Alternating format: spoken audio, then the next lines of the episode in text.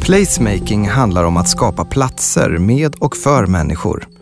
Det är en process och metod där vi utvecklar och vårdar platsen över tid och följer upp resultatet. Link Arkitektur bjöd in några nyckelaktörer till en diskussion om placemaking i Almedalen i juli 2018.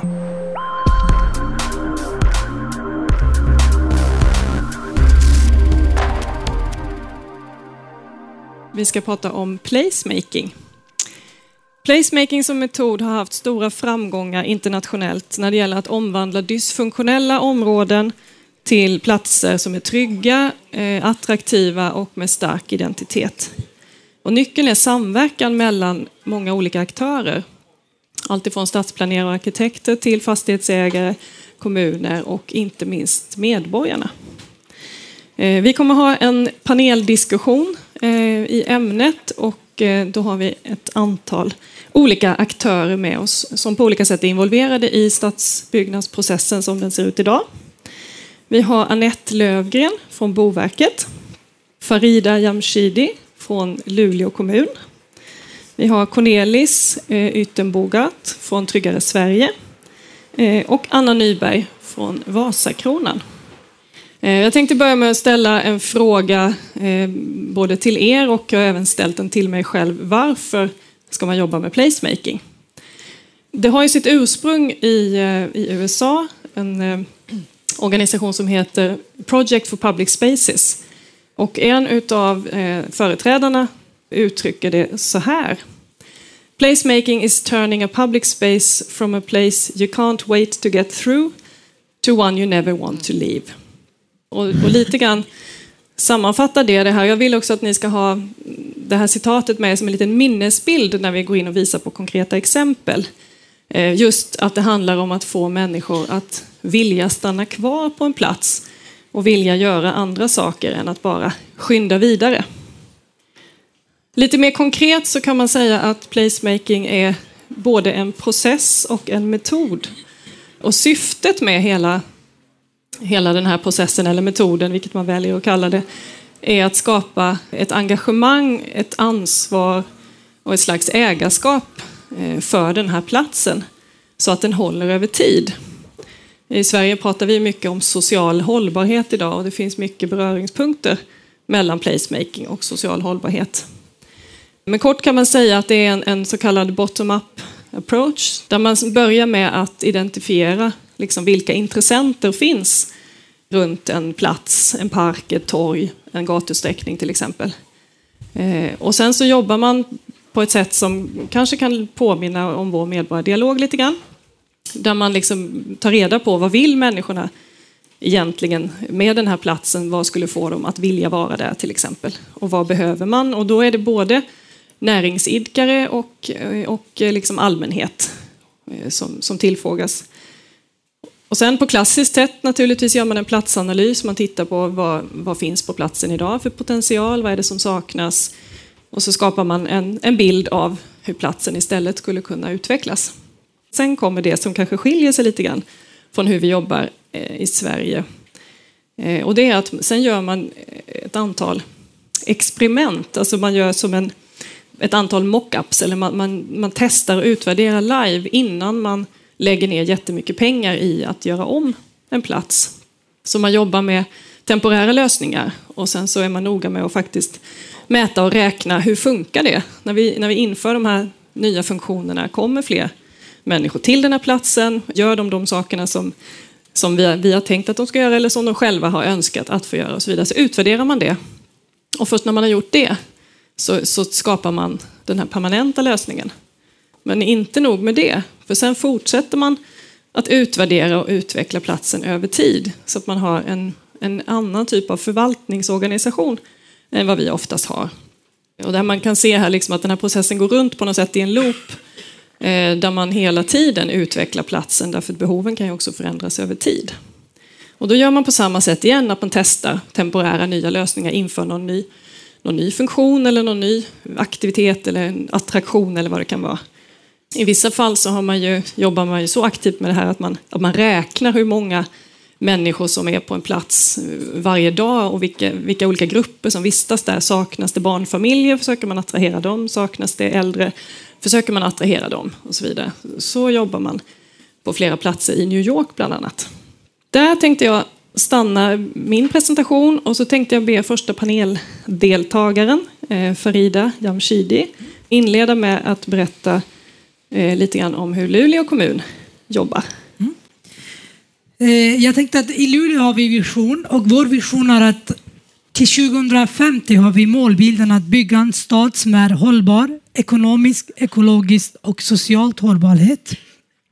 Eh, och vi håller just nu på och bygger en stor stadsdel där det ska i framtiden bo 7000 människor. Och just de här delarna som du pratar om, det har vi jobbat väldigt mycket med i det här projektet. Men vi har inte kallat det för placemaking, utan vi har kallat det mer för liv mellan husen. Och eh, mottot för det här området är att vi bygger inte bara bostäder, utan vi bygger även eh, vi bygger livskvalitet för människor. Det ska vara en stadsdel där man känner trygghet och det ska vara levande alla årstider. För vi har ju väldigt hårda vintrar eh, och då, då gäller det att göra någonting av det så att människor kan vistas på det här området. Aktiviteter så att man kan känna både trygghet och eh, känna att någon form av identitet för det här området. Att det, det är här vi kan vistas och att det ska vara öppet och eh, gröna områden har vi jobbat väldigt mycket med. Utemiljöerna, det ska vara långsiktigt och det ska åldras. Med tiden ska det bli vackrare och vackrare, har vi tänkt.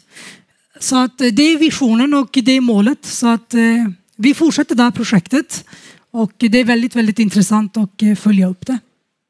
Anna Nyberg heter jag och jag är chef för fastighetsutveckling i Stockholm på Vasakronan. Och placemaking för oss började vi titta på, ja det är några år sedan nu. Och eh, vi inser ju vikten av det med tanke på de områden där vi har våra eh, kontorsfastigheter eh, som vi förvaltar. Och i Stockholm så bland annat så har vi, jobbar vi med Sergelgatan, Sergelhuset.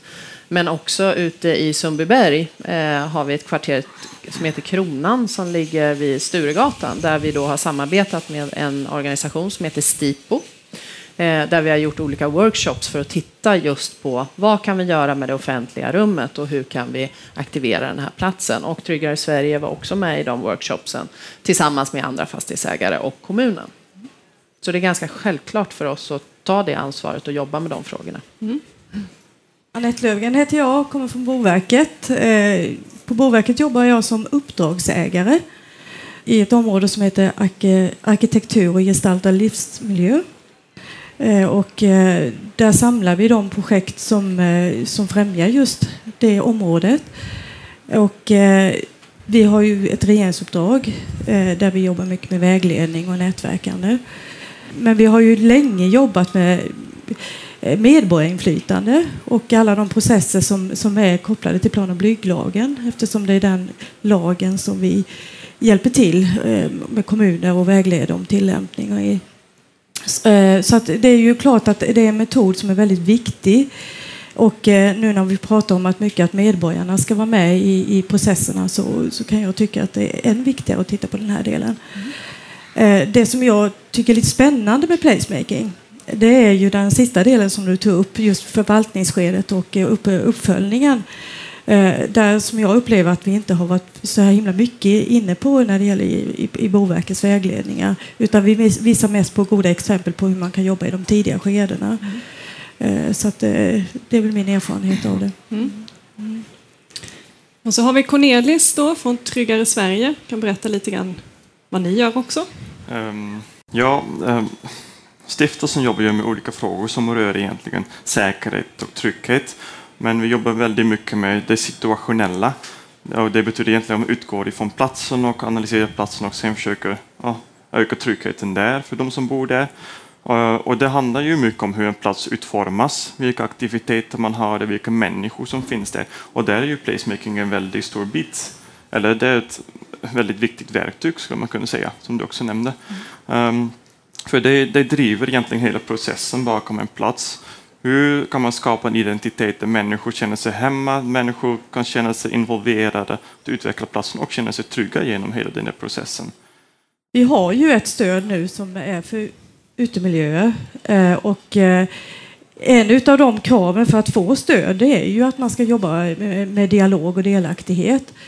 Och eh, de stöden har vi precis eh, beviljat så att, och sen har de ju två år på sig att genomföra det här. Va? Så att man har inga konkreta exempel. Vilka som har fått beviljat stöd det kan ni ju hitta på vår hemsida. Jag vet att det finns några kommuner i Skåne som har eh, jobbat med detaljer som gör att man kopplar ihop olika områden med tunnlar och, och, eller har för avsikt för att man, man beskriver vad man ska göra. Det gör man ju när man söker stödet. Eftersom syftet är medborgarinflytande och delaktighet så vet man ju inte var det landar sen. Men, men eh, tanken är ju att de ska koppla ihop eh, områden och medverka till en social hållbarhet och mötesplats för flera grupper av människor. Eh, jag tror att det var Höganäs eller Helsingborg som har gjort en sån studier. Har man pratat redan nu om hur man ska kunna utvärdera det här? Följa upp och se att man uppnår så att säga, de ställda målen? Eh, nej, det, det, har man ju inte gjort. Men vi har ju som vanligt uppdrag att eh, följa upp våra stöd. Så att eh, det är klart att man kan göra djupdykningar när det väl är på platsen. Men det handlar ju om resurser också för att det är ju inte så himla lätt att mäta det här det, det, krävs ju att man är närvarande på platsen, oftast i alla fall. Va? Så att, eh, det är väl ingen kanske som Boverket kan sätta sig ner och räkna precis efter vad flöden och funktioner hur det är. Va? Men det är ju jätteviktigt att följa upp platsen och, och, och förändra den efter det behovet som finns. Mm. Till de människor man vill ska besöka platsen, det är ju det det handlar om. Ja, jag tänkte kanske inte framförallt att Boverket själva måste följa upp det, men jag tänker om ni ger någon vägledning till kommunerna ja. hur de kan ja, det, det, mäta. Det kan man mycket väl göra och eh, då är det ju framförallt eh, eh, funktionerna och flödena som man mm. kan titta på då. För att och titta på attraktiviteten då i, i platsen. Och det är klart, vi har ju inte funderat på att göra någon form av vägledning av just på, det, på just det och ge det, det. Men det är ju teoretiskt så ska man ju kunna göra det. Mm. Eh, så att, eh, det är något att fundera på. Ja. Mm. För som kommun är ju ni också kravställare. Mm. Eh, och sen har ni ett antal olika aktörer som, som då ska bidra till att uppfylla den här visionen. Vad har ni för styrmedel och har ni liksom något sätt, några indikatorer eller hur ni tänker att ni ska kunna mäta och följa upp att man verkligen når visionen? Jag tänker att de sätt som vi har för att eh, de här kriterierna som du pratar om. Eh, det är ju det här med att i markanvisningen kunna visa på hur, man, hur vad kommunen har för vision för den här eh, platsen. Sen har vi byggdialogen när man kommer in och söker, kommer in med projektet och visar vad, hur är det ni vill bygga. Sen har vi även, som det reglerar vi även i detaljplanerna. Eh, sen tror jag att det är svårt och, och bara endast gå på eh, att kommunen ska trycka på och säga att det är exakt så här vi vill ha det, utan det handlar om en dialog, de aktörer som kommer. Vad har ni att erbjuda oss och på vilket sätt kan vi se till att det här området blir socialt hållbart och att de miljöer där för jag tänker att det borde ändå ligga i aktörens intresse att den här platsen ska vara levande, eh, både för dem och för kommunen. Så att, och uppföljningen blir ju, det är ju en del av, av att eh, de följer de plan som vi har, helt enkelt. Mm. Men det är svårt att mäta, som du säger. Men däremot så, jag tänker när vi gör slutbesked på platserna så ser man ju ifall det har följt de, de planer som man har haft eller inte. Mm. Eh, skulle ni tycka att det var intressant eh, om man lyckades ta fram ett antal indikatorer som skulle underlätta uppföljningen? Är det något verktyg som ni skulle känna att ni hade nytta av? Men det är ju väldigt olika för det är ju från kommun till kommun så jag tänker att eh, det är som svårt. Men om det finns, varför inte? Det kan alltid vara bra att ha mm. trygghet också. Ja. Jag tänkte att jag skulle kolla lite med Cornelis här. Vi pratar ju om placemaking nu, men vi har också varit inne lite grann på social hållbarhet, trygghet och så vidare. Det är ju, de här frågorna ligger ju ganska nära varann. Eh, och trygghet är ju naturligtvis ditt specialområde, eller Tryggare Sveriges liksom huvudfråga. Och det vi brukar säga att det är en av de grundläggande aspekterna för social hållbarhet, just att man, att man känner trygghet. Eh, hur ska man tänka då i stadsplanerings perspektiv när man jobbar med just trygghet? Och finns det någonting man absolut inte ska göra? som vi kan få med oss härifrån. Ja, det kan bli en lång lista det. Nej, äh, äh, som du säger, trygghet är ju grundläggande utifrån det perspektivet att känner man sig inte trygg på en plats då kommer man aldrig använda den platsen, kommer man aldrig eh, ta sig till, till, till, sitt jobb till exempel, eller kommer aldrig handla där, kommer man kanske inte ens välja den specifika platsen eller det området att bosätta sig i. Eh, så utifrån det perspektivet eh, är det egentligen ja, det första man ska tänka på när man planerar för nya platser eller planerar för att utveckla en stad. Eh, kolla på tryggheten, är det tryggt? Men sen är det ju, det hänger ju ihop också med säkerheten som är då risken för att utsättas för ett brott. För man kan ändå uppleva en plats som otryggt även om det inte händer någon brott alls där. Och det handlar mycket om egentligen, ja, den påverkan själva platsen har på specifikt den personen då. Hur man ser på den platsen, hur utformningen, eh, underlättar kontakter mellan olika människor. Hur Utformningen eh, gör det enklare att ha ett bra överblick. Ehm, men också om det finns då olika funktioner som lockar olika människor. Och det är också en av grundpelarna i hela placemaking-konceptet. Att de säger att ehm, en bra plats är en plats där människor vill vara. Och finns det människor, då attraheras det flera människor. Det är egentligen den enda indikatorn som gör en bra plats. Så man måste också fundera på hur olika människor använder området, hur är genomströmningen och hur påverkar olika funktioner då egentligen det som kan hända på en plats. Just det, du menar om, om de förstärker varandra eller om de så att säga kanske neutraliserar mm. varandra istället? Att det är viktigt att titta på. Exakt. Inte bara blandningen i sig utan också lite Nej, typ. det, för man, Även om man har ett område där det är en blandning av olika av bostäder och kommersiella funktioner, då kan det ändå vara att de ja, är felplacerade eller att de är koncentrerade var för sig, att man har bostäder i ena hörnet och eh, kommersiella lokaler eller butiker i andra hörnet. Men de ska ju också vara integrerade med varandra och vara länkade ihop. Jag tänkte jag ska fråga Anna lite grann om det här med... Eh, ni har ju också varit, tror jag, på studieresa med Tryggare Sverige och studerat eh, det som kallas för Business Improvement Districts. Eh, och där man har en, en hel förvaltningsorganisation som, vad jag förstår, är samfinansierad av privata och offentliga medel. Eh, är det någonting som, eh, som ni har någon erfarenhet av att jobba med eller ser att det skulle kunna vara någonting för Sverige? Eh, här i Sverige har vi inte lagstiftningen eh, att man kan tvinga in någon i ett eh, bid. Eh, däremot så på frivillig basis eh, så kan man ju eh, sätta upp en sån konstellation och det har vi gjort för Sergelgatan. Eh, och vi känner att just det här eh, att få den här samverkan och viljan tillsammans och även med stan. Det är fastighetsägaren och stan, eh, fastighetsägarna och stan som gör det här tillsammans. Då kan man åstadkomma väldigt mycket mer. Man har en tydlig vision, en tydlig vilja och kan agera relativt snabbt. Till exempel på den här studieresan eh, vi gjorde med Tryggare Sverige ser man ju Bryant Park till exempel som man verkligen har jobbat med. Att man måste sätta in åtgärder på en gång när man ser att någonting händer. Man mäter till exempel andelen kvinnor eh, varje dag i parken. Ser man då att andelen kvinnor minskar, ja, då får man tillsätta aktiviteter som attraherar kvinnor och barn. Därför är kvinnor på en plats, då upplevs det som tryggt och säkert. För vi är inte där annars. Och det är ju det som är, som är anmärkningsvärt just med Bryant Park, som är kanske det mest liksom, utarbetade exemplet. Att man verkligen man mäter hela tiden, ja. varje dag. Ja. Eh, och det kan man ju då fundera mm. på, är det ens realistiskt att tänka sig eh, i Sverige att man, att man kan göra på det sättet. Men det kanske kan bli så i det en kanske framtid. kan bli så. Man behöver göra en inledande insats, men mm. precis som du visade så är det en kontinuerlig process också. Man måste jobba med platsen hela tiden. Mm. Du säger vi har inte lagstiftningen på plats i Sverige. Ser du eh, några möjligheter eller hur skulle man behöva ändra regelverket för att det skulle bli jag tänker att det skulle ge större möjligheter då för fastighetsägare att påverka det som egentligen ligger på kommunal mark. Så att säga.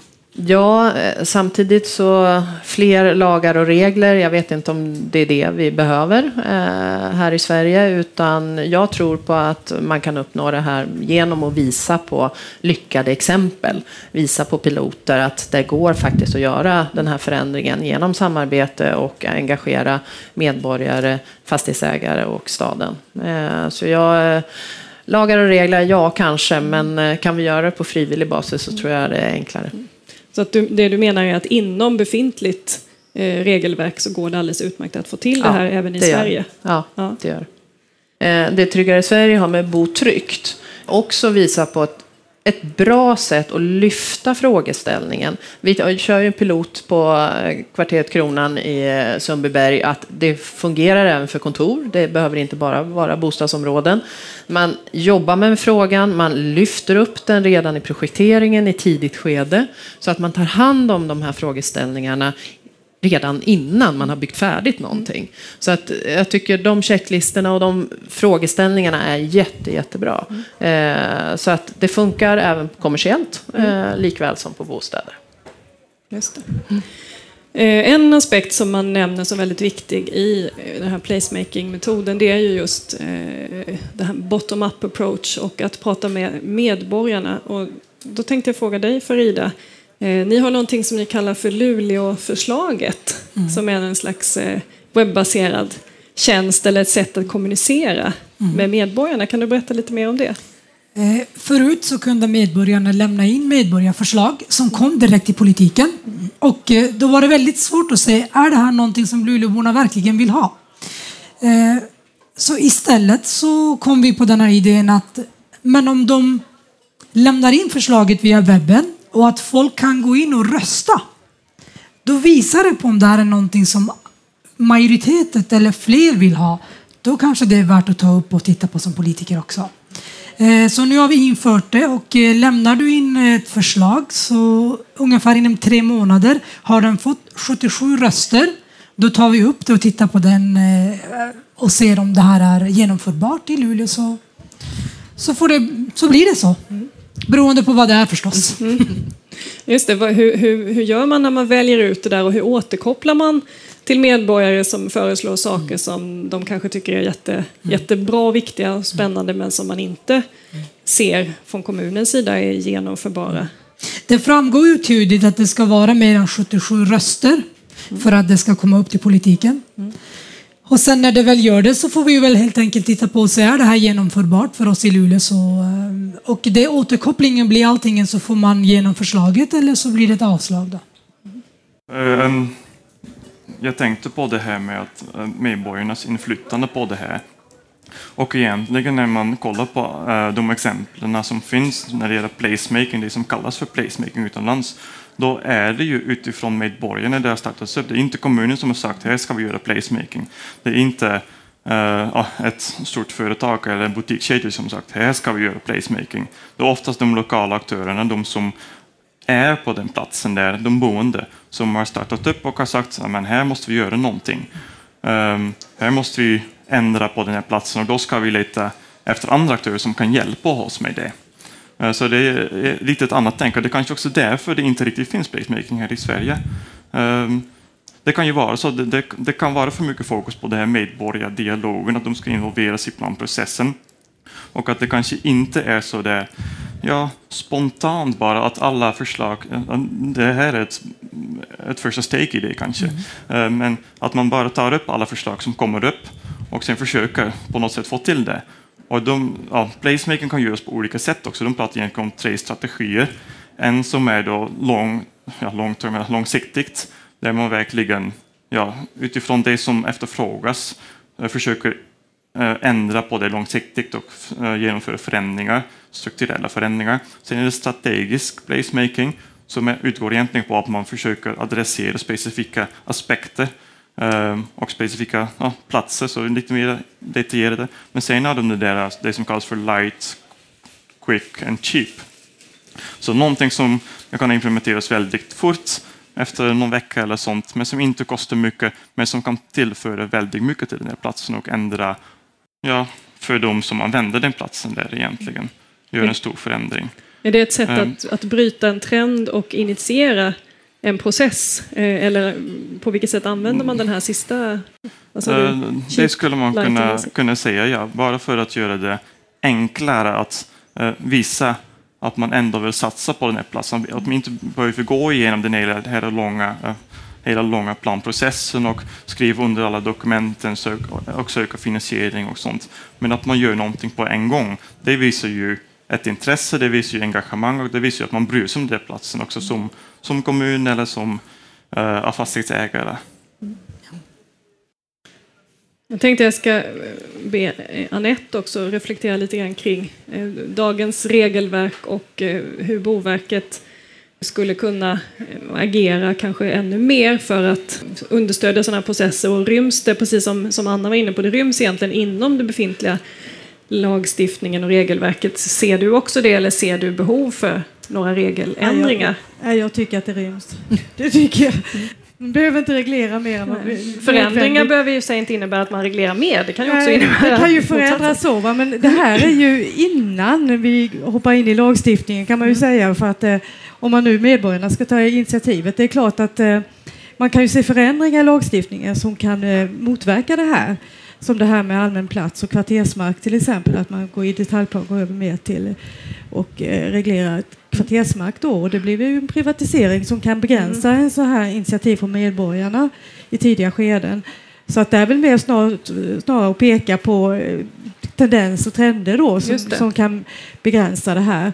Annars så tycker jag liksom att det är ju ett väldigt eh, tidigt skede och man kanske till och med har en plats som är en offentlig plats idag som man, som man vill göra om på något sätt och, eh, och initiativet kommer ju från medborgarna då för de tycker att de här vill använda den här platsen mer än vad de gör idag då.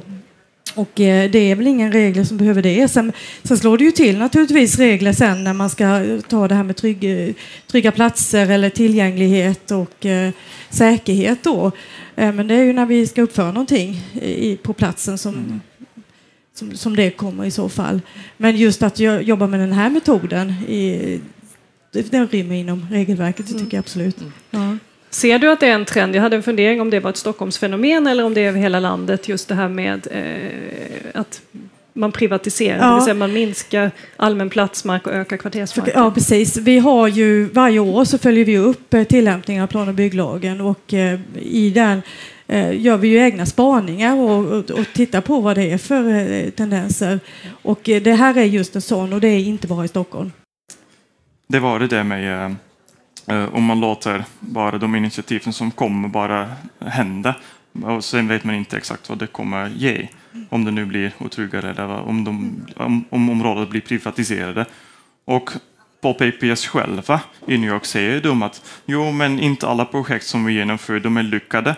Ja, Isen som var ju här igår, han pratade om ett projekt med eh, ja, små kolonilotter till exempel, som de införde för att ja, aktivera en plats.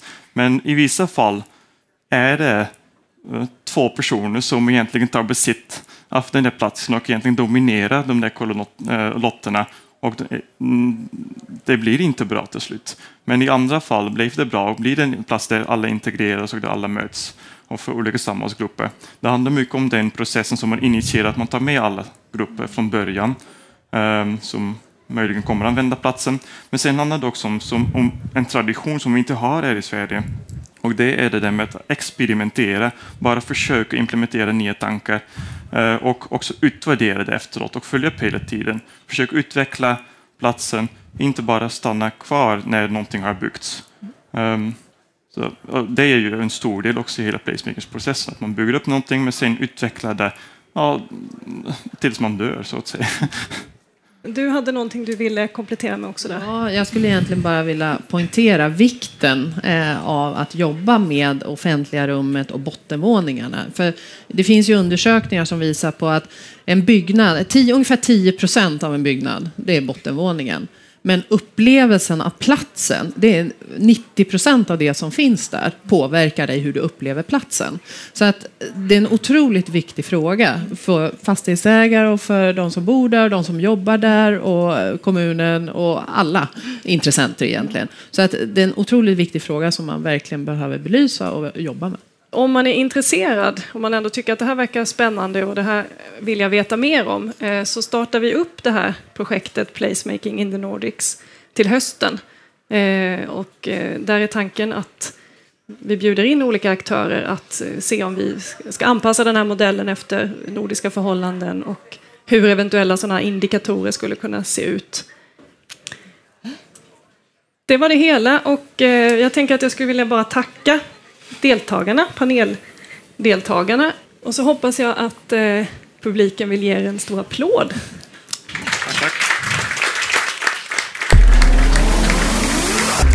Den här inspelningen gjordes under Almedalsveckan 2018.